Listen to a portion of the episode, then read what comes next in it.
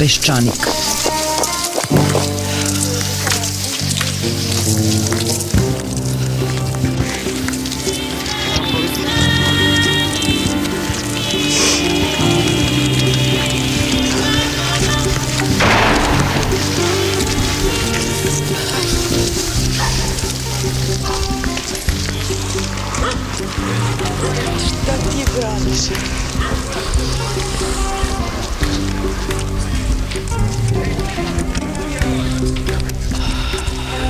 Peščanik.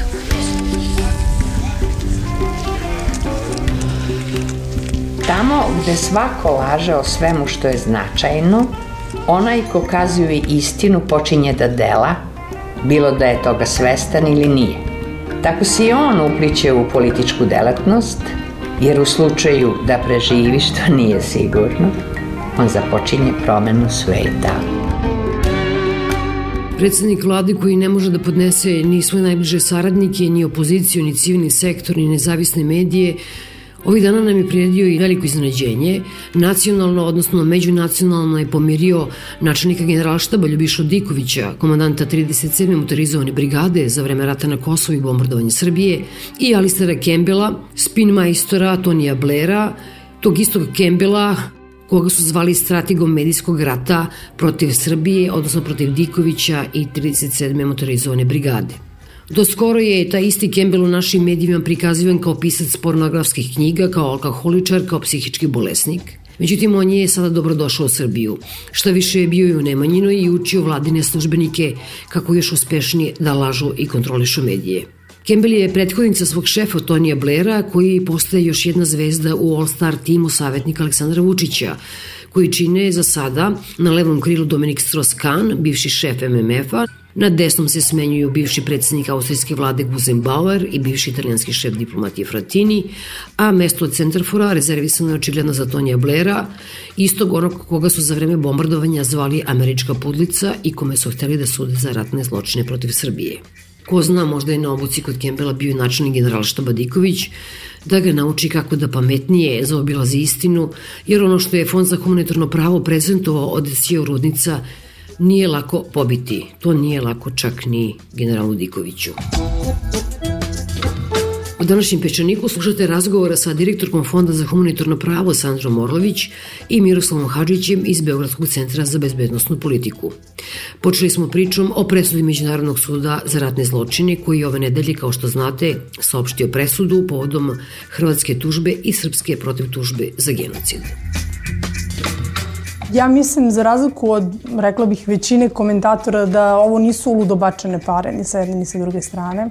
Jer od kako je rat završen u Hrvatskoj, i s jedne i s druge strane postoji gotovo mitomanska potreba da se dokaže genocid druge strane, kao da nijedan drugi zločin nije zločin osim genocida. Ono što je važno u toj presudi jeste, čini mi se, taj, ono što je sud utvrdio, ja rekla bih, to je neki ideološki preznak tih počinjenih zločina, tog etničkog čišćenja koji je počinjen u, zločin, u Hrvatskoj i sa jedne i sa druge strane.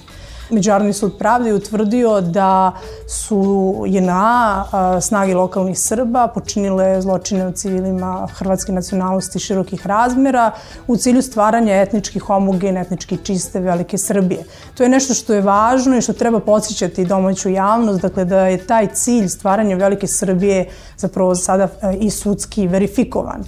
S druge strane, Međunarodni sud pravde je utvrdio i da su zločini koji su učinjeni tokom i nakon oluje takođe imali jedan ideološki, rekla bih, diabolički cilj, a to je da je rukovodstvo tadašnje Republike Hrvatske pristajalo na to i priželjkivalo da srpsko civilno stanovništvo ode iz te takozvane e, Republike Srpske krajine ta dva diabolička cilja koja su stajala iza, kao motiv iza tih zločina, jesu nešto što sada stoji pred elitama i Hrvatske i Srbije, nešto što oni moraju da, kako kažem, u svojim obraćanjima da, da se osvrnu na to, A i rekla bih da e, su svi oni do sada koristili ovaj spor pred Međunarodnim sudom pravde da bi stavili sve druge stvari na stand-by. Nema suđenja ni za Oluju, ni za zločine koje počinila je na oko Vukovara. Imali smo tu Ovčaru, sada je počeo suđenje za Sotin.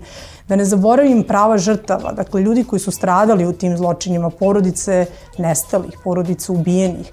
Oni su danas obespravljeni i u Srbiji i u Hrvatskoj. I u jednoj i u drugoj državi borci, veterani su stavljeni na taj pijedastal heroja. Postoji taj mit borca, dok su te civilne žrtve oko kojih zapravo i postoji taj najveći sukob između Hrvatske i Srbije potpuno zaboravljeni.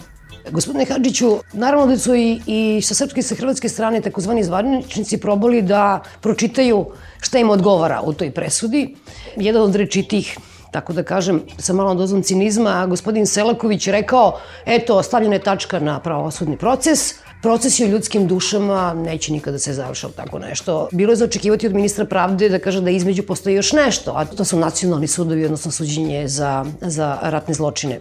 Od završetka rata i jedne i druge garniture, odnosno vlade, države, kako god hoćete, obstruiraju, izbjegavaju da se ozbiljno pozabave i onda to obično posmatrača, mogu da mislim žrtvama kako najblaže rečeno zvuči cinično, e, pogotovo što nema dokaza da je međunarodna, to što zovemo međunarodna zajednica, odnosno da su spoljašnji umešači, ozbiljno zainteresovani, oni su onaj deo priče koji njih zanimao, to znači ključni optuženi koji je trebalo da stignu u Haški sud, oni su tu pritiskali jednu i drugu državu, a nisam siguran da će imati interes ili da će biti u tome uporni da prisile nacionalne sudove da rade svoj posao, podsjetimo nacifikaciju u Nemačkoj, denacifikacija je bila moguća tek pod pritiskom s polja.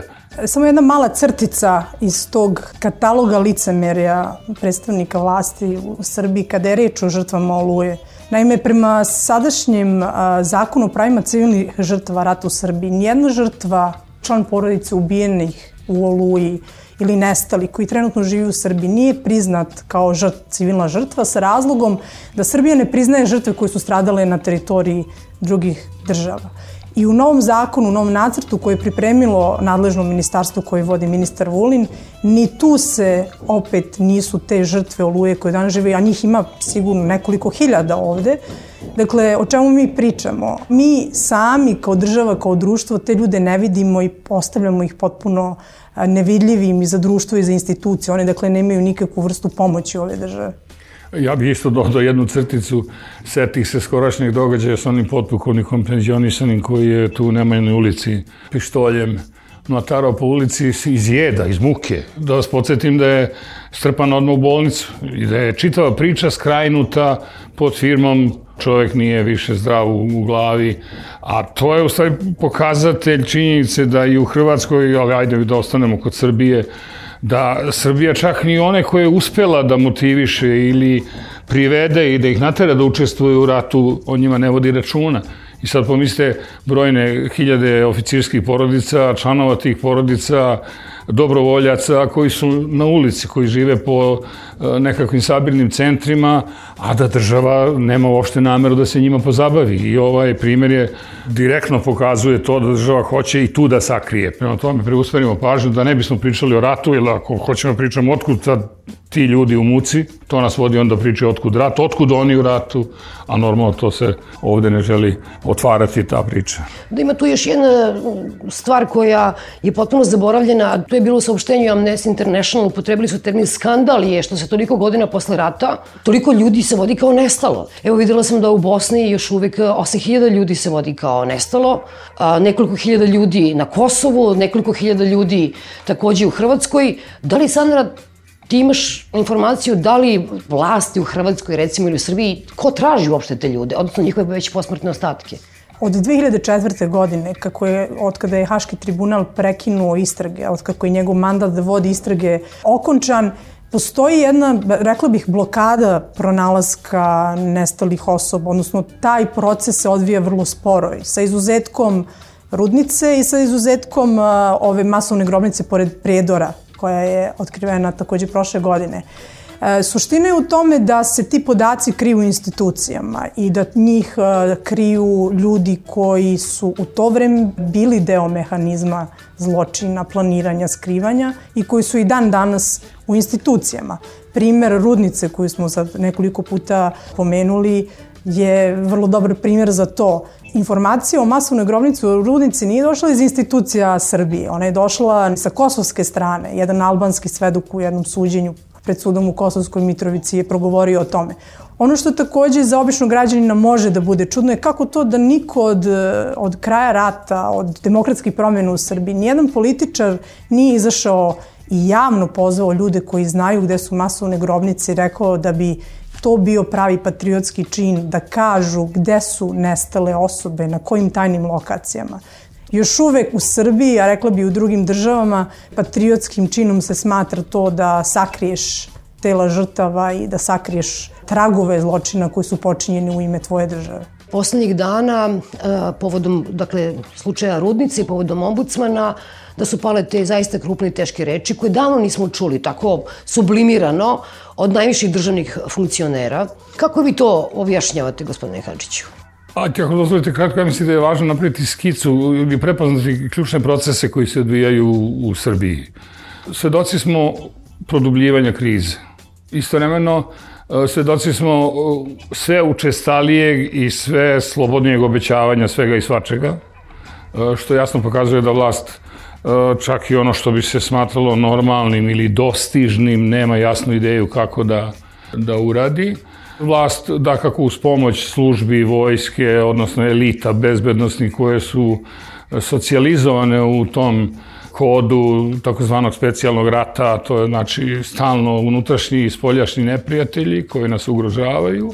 Iz toga u stvari izbija agresija vlasti, izbija osion, s jedne strane osionost, pa kad čujete ministra odbrane koji kaže ja sam potpisao da predsednika vlade štiti vojska, to nije u njegovoj nadležnosti, to je suprotno zakonu. Kada ministar odbrane i šef službe vojne kažu ja sam izabrao da poštujem ovaj zakon, a ne onaj zakon, a pritom se radi o zakonima koji nisu međusobno u koliziji i ta dva procesa ne moraju i nisu nužno uopšte povezani. Mi smo svedoci rasta samovolje sve veći jaz između obećanog i dnevno forsiranog u medijima, evo uradili smo, uradit ćemo i onoga što se stvarno događa da to izaziva njima nervozu i odatle budući znate da Srbija nikad u suštini nije izašla iz autoritarnog načina vladanja. Menjale su se zastave, oznake, pesme, ali ta matrica specijal ratovska, odnosno ta autoritarna, to se vidi kao strašenje javnosti.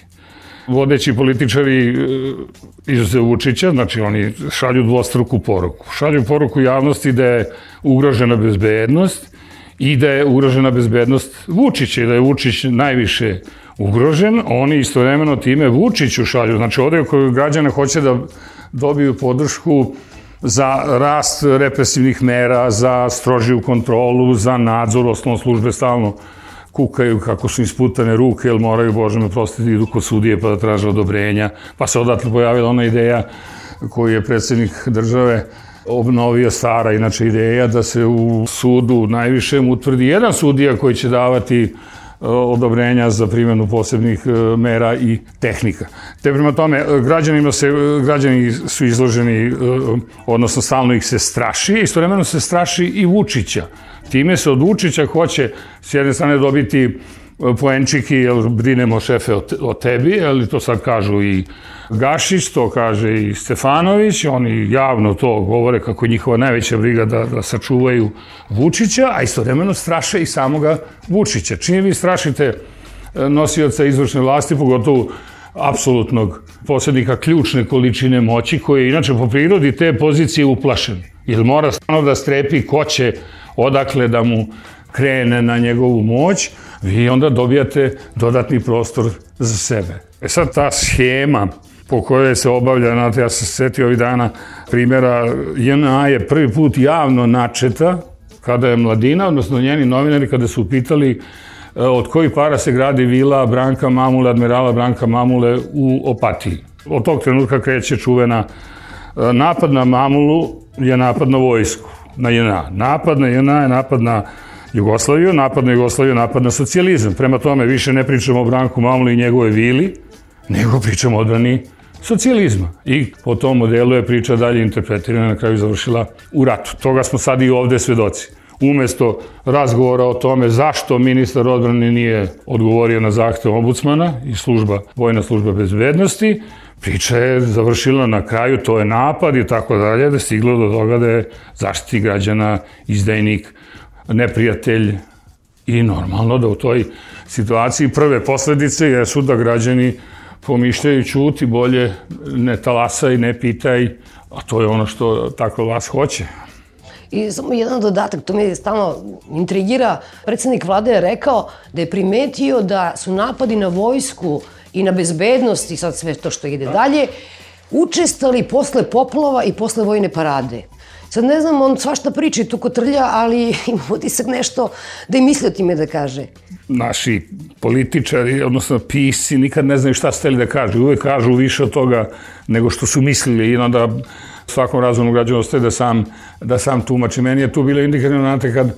Znači, oni prvo se bave nekakvom abstraktno vojskom.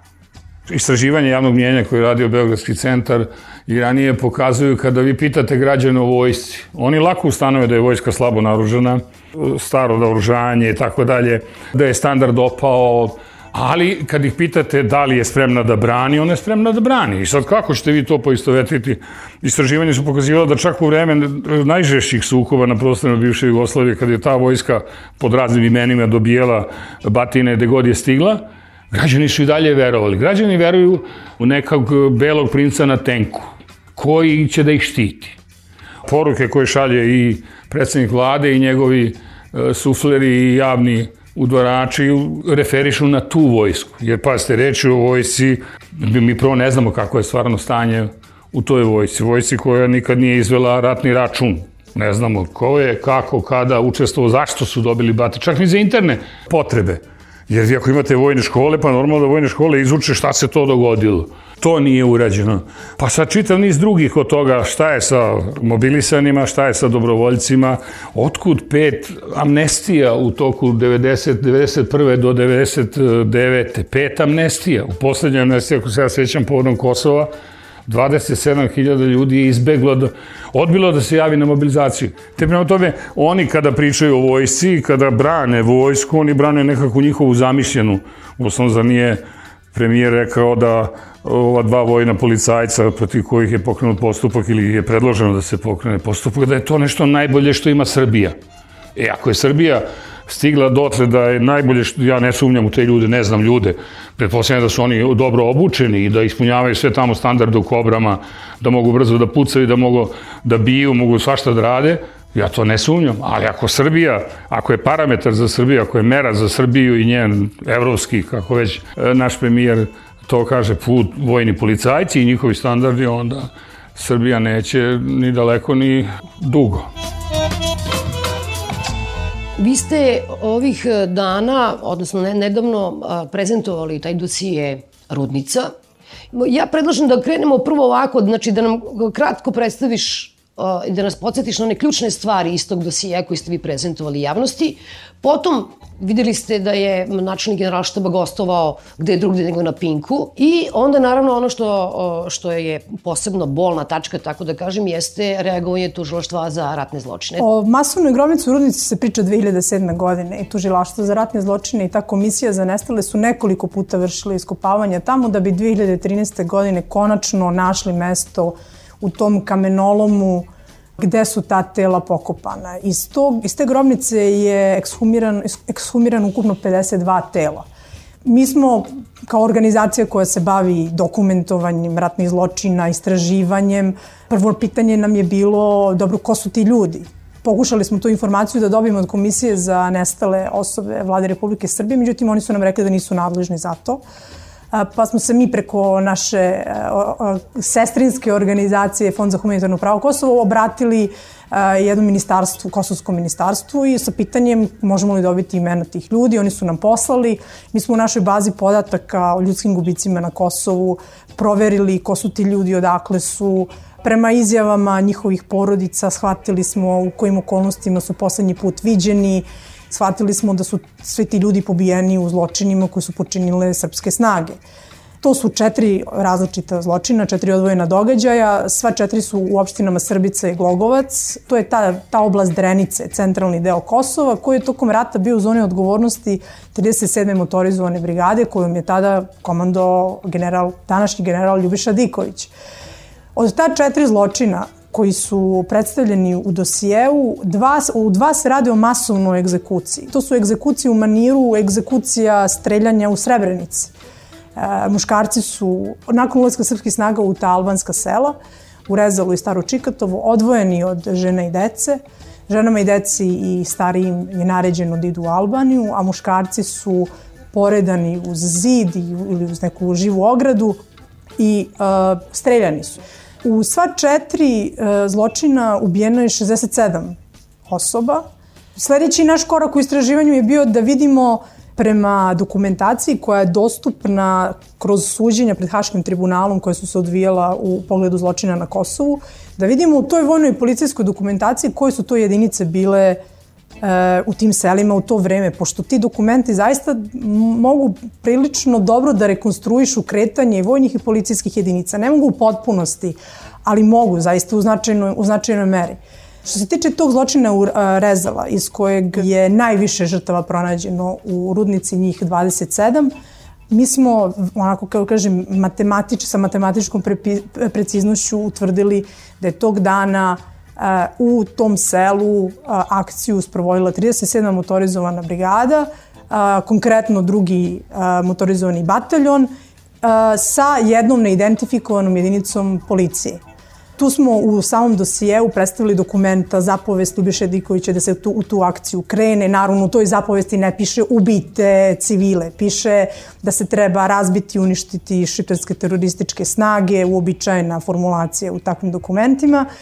Mi smo tražili od Ministarstva odbrane da nam, da, da nam dostavi po zakonu o pristupu informacijama od javnog značaja dva borbena izveštaja 37. motorizovane brigade za taj dan 5. april i 6. 5. aprila je počinjen taj zločin u Rezali. Mi smo dobili odgovor od Ministarstva odbrane da oni ne mogu to da ustupe zbog toga što bi e, dostavljanje takve dokumentacije narušilo borbenu gotovost Vojske Srbije. Ja zaista ne razumem kako to ima veze sa zločinom počinjenim 90-ih, ali ja mislim to je jedno od pitanja na koje ovaj, čekamo odgovor i danas smo ga uputili javno generalu Dikoviću. Postoji jedan dokument koji zapravo govori da su, da je 37 motorizovana brigada 10-15 dana nakon toga ta tela tih žrtava imala u svom posedu. Ima jedan dokument Ministarstva unutrašnjih poslova u kojim je zabeleženo da su dva oficira 37. motorizovane brigade koja su bila zadužena za takozvanu asanaciju bojišta, a, htela predati ta tela civilnim organima vlasti, istražnom sudi Kos, a, okružnog suda u Kosovskoj Mitrovici, ali da su oni to odbili rekavši da to treba da rade vojni istražni organi. U tom policijskom dokumentu ne piše zašto su oni to rekli, ali logič, logički razmišljajući, vojni istražni organi prema tadašnjem zakonu o vojnim sudovima se bavi delima koje, su, koje je izvršila vojska. U svakom slučaju, da ne idemo dalje u hipoteze, samo ova činjenica da tog 18. aprila dva oficira 37. motorizovane brigade, koje je general Ljubiša Diković postavio na čelne pozicije tog odeljenja za sanaciju, imaju ta tela u svom posedu, to je dovoljno da organi ove države postave pitanjima tim oficirima, oni se zovu Rade Krsmanović i Hasan Čorbić i njihovom neposredno predpostavljenom Ljubiši Dikoviću, šta je sa tim telima bilo nakon toga, kome su ih predali. Mi ne tvrdimo da su ih oni odnili u rudnicu, ali poslednje poznato, poslednje javno dostupan podatak je da su tela u rukama 37. motorizovane brigade. E, sada je na domaćim, na tužilaštvu za ratne zločine da se bavi time.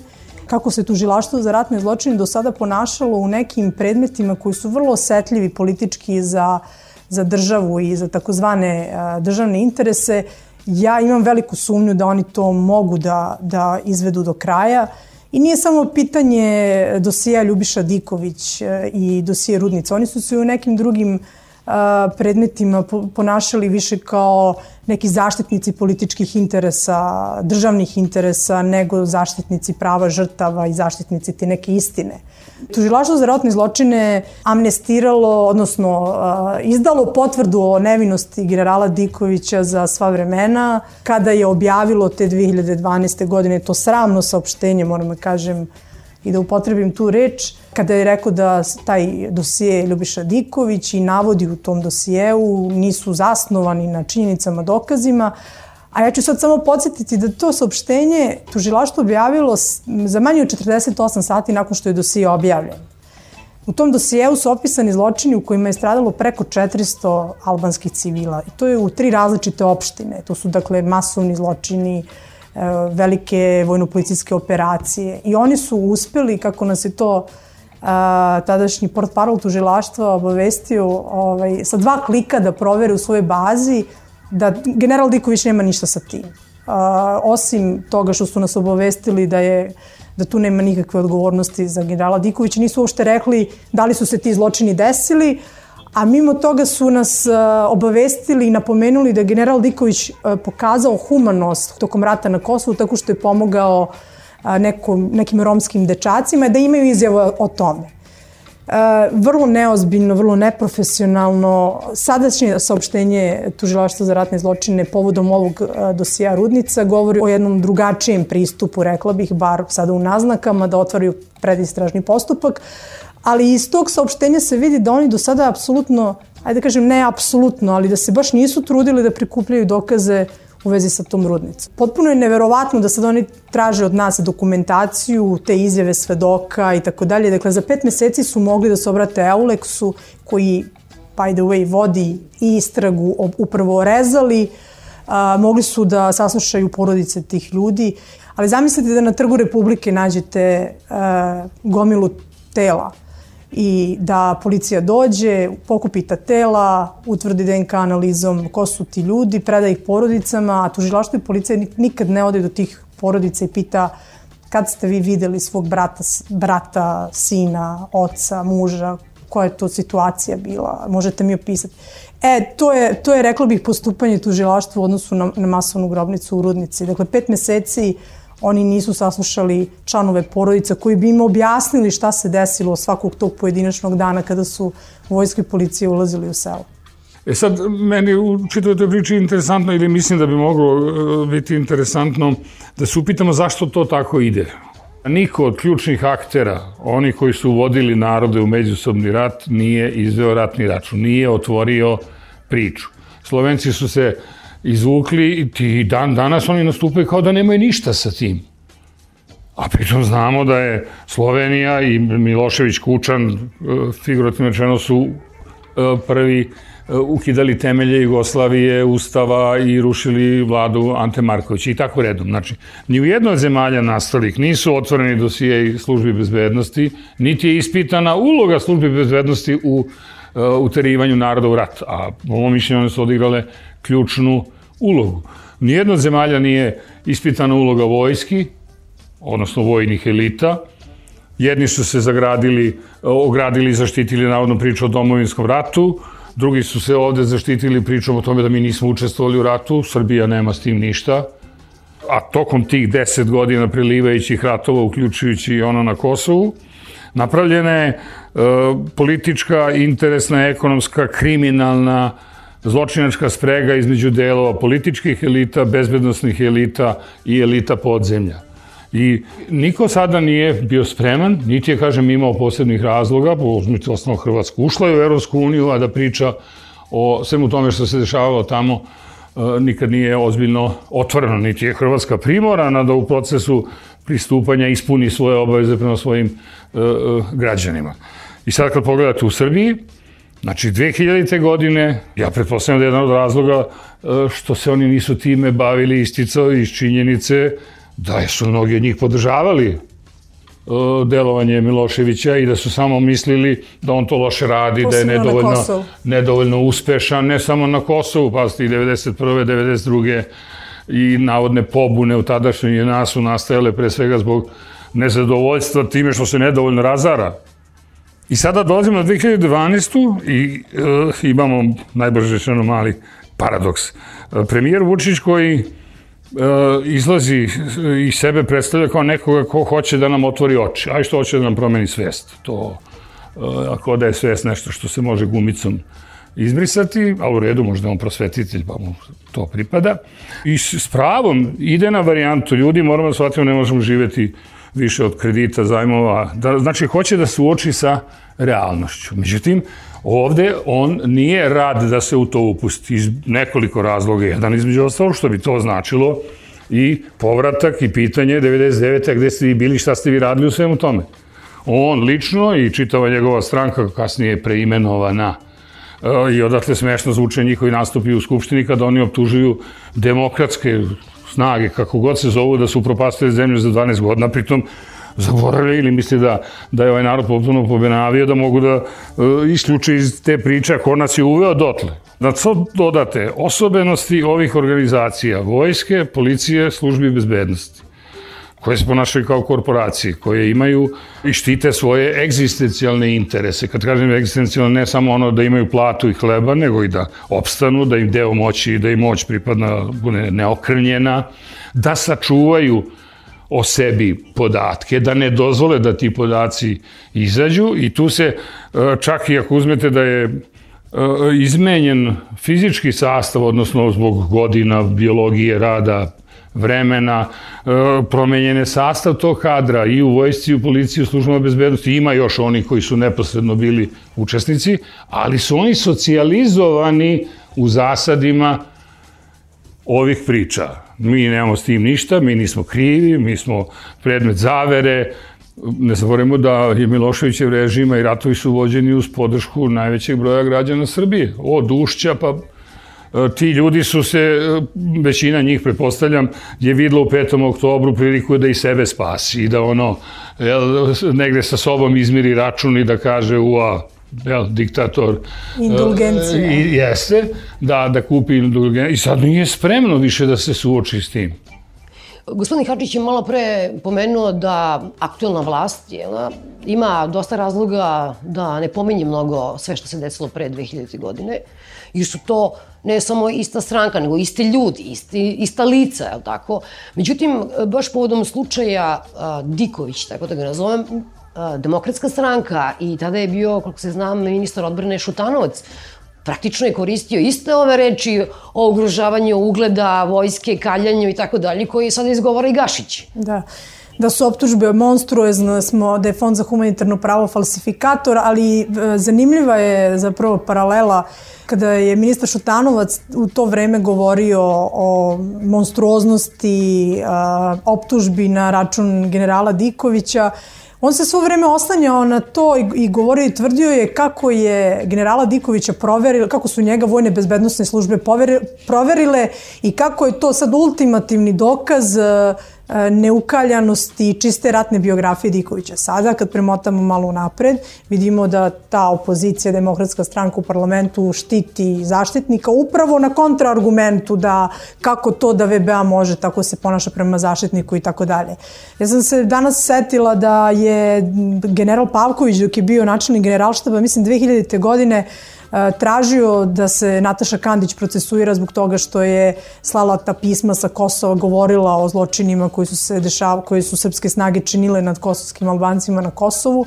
Pa onda smo imali tu 2012. godinu gde su svi onako u isti glas uh, govorili uh, da su to lažne optužbe, da je to napad na državu, da čak iz tužilaštva za ratne zločine smo čuli da je fond i to je dakle ista ta konstrukcija, ista ta formulacija da smo mi objavili dosije Diković, pazite, tužilaštvo za ratne zločine, da smo mi objavili dosije Ljubiša Diković uh, da bi narušili kredibilitet jedine neukaljane institucije A, dakle, oni se ponašaju kao port parol vojske, ne kao tužilaštvo koje ima za zadatak da istraži ratne zločine. I da smo mi baš tad e, izabrali taj trenutak zbog nečega, zbog otvaranja evrointegracijskih procesa i tako da.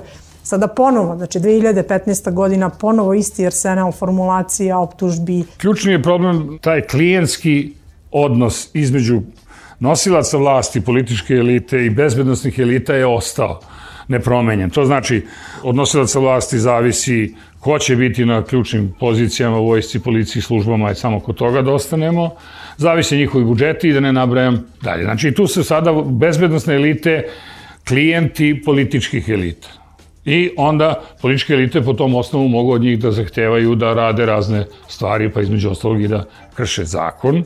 Međutim, ob, postoji i drugi smer da bezbednostne elite zbog moći koje posjeduju, zbog tajnih znanja koje posjeduju ne samo o nama običnim građanima, nego i o pripadnicima tih političkih elita, zbog delova njihove skrivene moći, političke elite postaju njihovi zavisnici. Tako da imamo dvostruki klijenski odnos. I vi kad se upitate kako može načelnik službe bezbednosti da javno u parlamentu kaže da je on izabrao koji će zakon, da je on rešio, ja ću ovu da, neću ovu da, šta me briga za zakon i za, za ustav, da kako ne bi on to uradio da nije pre toga i ministar to isto uh, rekao. Znači, nikad niko nije napravio ozbiljan plan reforme. Vojska, policija, službe i svi nabrani ne mogu sami sebe da reformišu, tim pre zbog ovoga prtljaga koji imaju ratnog poratnog, uzmite ubistvo e, premijera Đinđića.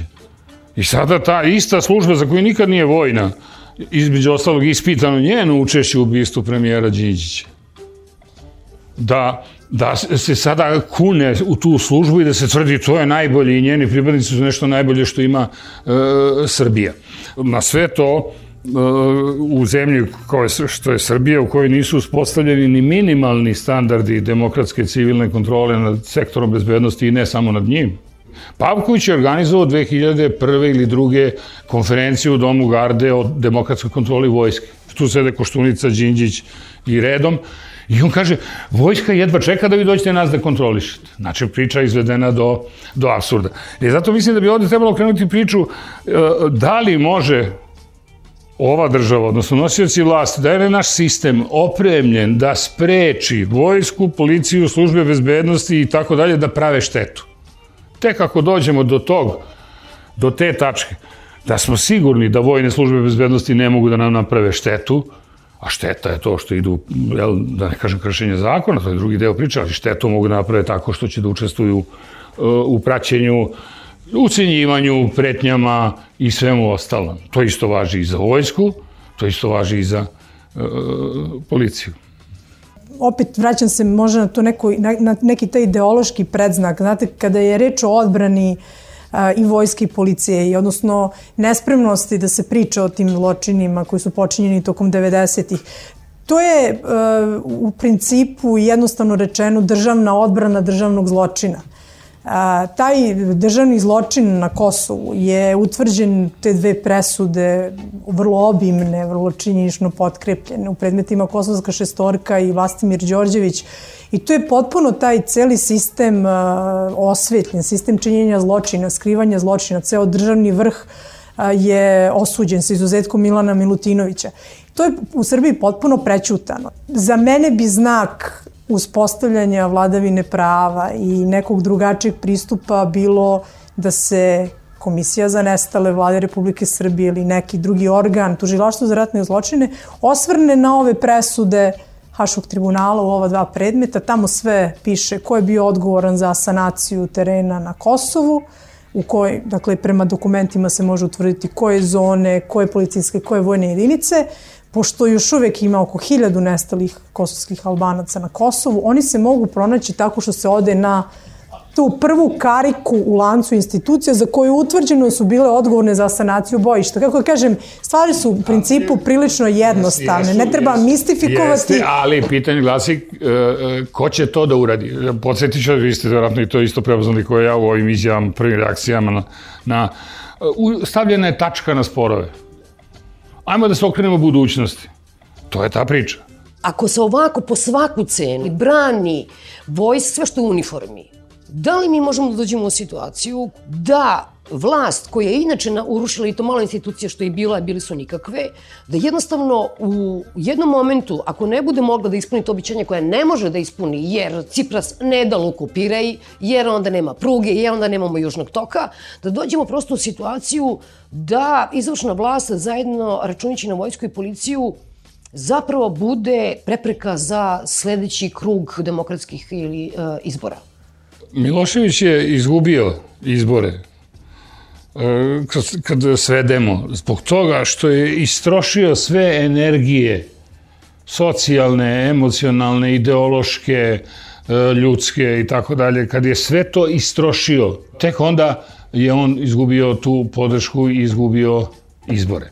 Od 2000. do danas, ja mislim da nema ni jednoga dokaza, sem ovih formalno u Srbiji funkcioniše demokratija. Imamo izbore relativno redovno, svi priznaju, prilike poštuju svi procedure, pravila, međutim, suštinski ništa nije promenjeno. I dalje je vlast van sistema, Voljvan kod Koštunice, Voljvan kod Tadića, Voljvan sada kod uh, Vučića. I dalje nema ozbiljne kontrole, sudstvo daleko od nezavisnosti, da ne govorimo o medijima. Uh, te prema tome, nema dokaza da je u Srbiji, da je Srbija prešla onu tačku bez povratka u kojoj je više nemoguća uh, ta vrsta solucije. Tim pre što Kao što znamo, s polja je zabranjen rat na prostoru bivše Jugoslavije. Te prema tome ključne pretnje po ne samo demokratiju, nego po bezbednost građana dolazi iznutra. I odatle sasvim je moguće hipotetički opravdano postaviti tezu da u slučaju dubljeg zaoštavanja ekonomske krize, socijalne, ona je uvijek praćena i političkom krizom, ne treba isključiti mogućnost da vlast ili nosioci vlasti u tim trenucima u ime da kako svih najviših e, interesa koje oni mogu da smisle i koje mogu da, da, da formulišu, da pokušaju da upotrebe silu. I dalje je pogotovo bezbednostna moć izvan sistema i dalje vojne bezbednostne i ostale elite misle da oni imaju monopol, da je to njihovo ekskluzivno pravo, da kako tu su onda ključni nosioci političke moći kao Vučić, a kome, zašto oni pričaju da je Vučić najugroženiji? Pa zato što im je on neposredni gazda, oni sada tim brigom o njegovoj bezbednosti navodno, a oni onda pokušavaju sebi da pribave brojne koristi, a to se obavlja kroz ovaj proces javnoga, javnoga strašenja. Pogledajte samo stanje zakonsko u oblasti, na primjer, bezbednosti. Pogledajte da imamo e, tri ili četiri zakona o službama bezbednosti koji su međusobno u koliziji. Kome odgovara predsednik Republike kao vrhovni komandant? Da li i kome predsednik odgovara? Zato što radi kao vrhovni. A to znači uključuje kad postavlja za načinnika generalštaba i generale i sve ostalo što je u njegovom delokrugu. Šta radi Savet za nacionalnu bezbednost? Ko je taj savet? Ima u zakonu uređeno, ali nigde njema ne, nema njegove odgovornosti. Oni nemaju čak ni obavezu da parlament obaveste, a reče o skupu ljudi koji su na ključnim funkcijama u izvršnoj vlasti, koji već po tom osnovu mogu da predstavljaju potencijalni triumvirat koji može da odluči o varednom stanju, da odluči o upotrebi u ime ugroženosti svoje ili nacije, a da nisu obavezni nikom da podnose nikakav račun, pa sad onda kad krenemo dalje e, bira za koordinaciju i sve to, e, ako ništa bar da je, da je za pravo ili opravdao ovak, postavljanje ovakve hipoteze. Teško mi je da zamislim tako dramatičan razvoj događaja, ali već sada je dramatično to koliko naše sadašnje političke elite, ali ona prethodna koju je, da kažem, predstavljala demokratska stranka, do 2012. godine koliko su zapravo malo ili nikako radili na uspostavljanju te demokratske kulture, kulture ljudskih prava, dakle, vladavina prava, ne radi niko na toj demokratskoj kulturi, a to je ključno za društvo. Ključno je da se upristojimo kao društvo, da buduće generacije imaju ta, ta strašna istraživanja javnog mnjenja, odnosno među srednjoškolcima, kakve oni vrednosti, ka šta misle o Albancima, šta misle o Romima, šta misle o LGBT populaciji, šta misle o, Hr o Hrvatima i tako dalje. To je ono što je dramatično. To je ono što je dramatično i to je ono što... I još na to dodajte dramatičnost opstanka. Malo pre, moj iskaz je mogao nekome da zvuči kao strašenje. Nije mi bila ideja da nikoga strašim. A to je jednostavno jedna radna hipoteza koja ima dovoljno elementa da može biti postavljena i branjena. Ajmo da uredimo, da stavimo pod kontrolu. Ne može ni jedan general, ni premijer da bira koji će zakoni, šta će i kako će proizvoljnost sa vrha proizvodi proizvoljnost na dnu, pa vama policajac može na ulici da radi što hoće, komunalni policajac, da ne govorimo o interventnoj brigadi. I uzvratno, njihova samovolja na dnu na kraju rezultira samovoljom na vrhu koje neko možda kaže aha, zagustilo je, ajmo sada, vojska ovuda, policija ovuda. Bio ovo Peščanik, govorili su direktorka Fonda za humanitarno pravo Sanda Orlović i Miroslava Hadžić iz Beogradskog centra za bezbednostnu politiku. Pozdravljaju za Svetlana Vuković i Svetlana Lukić. Doviđenja. Peščanik –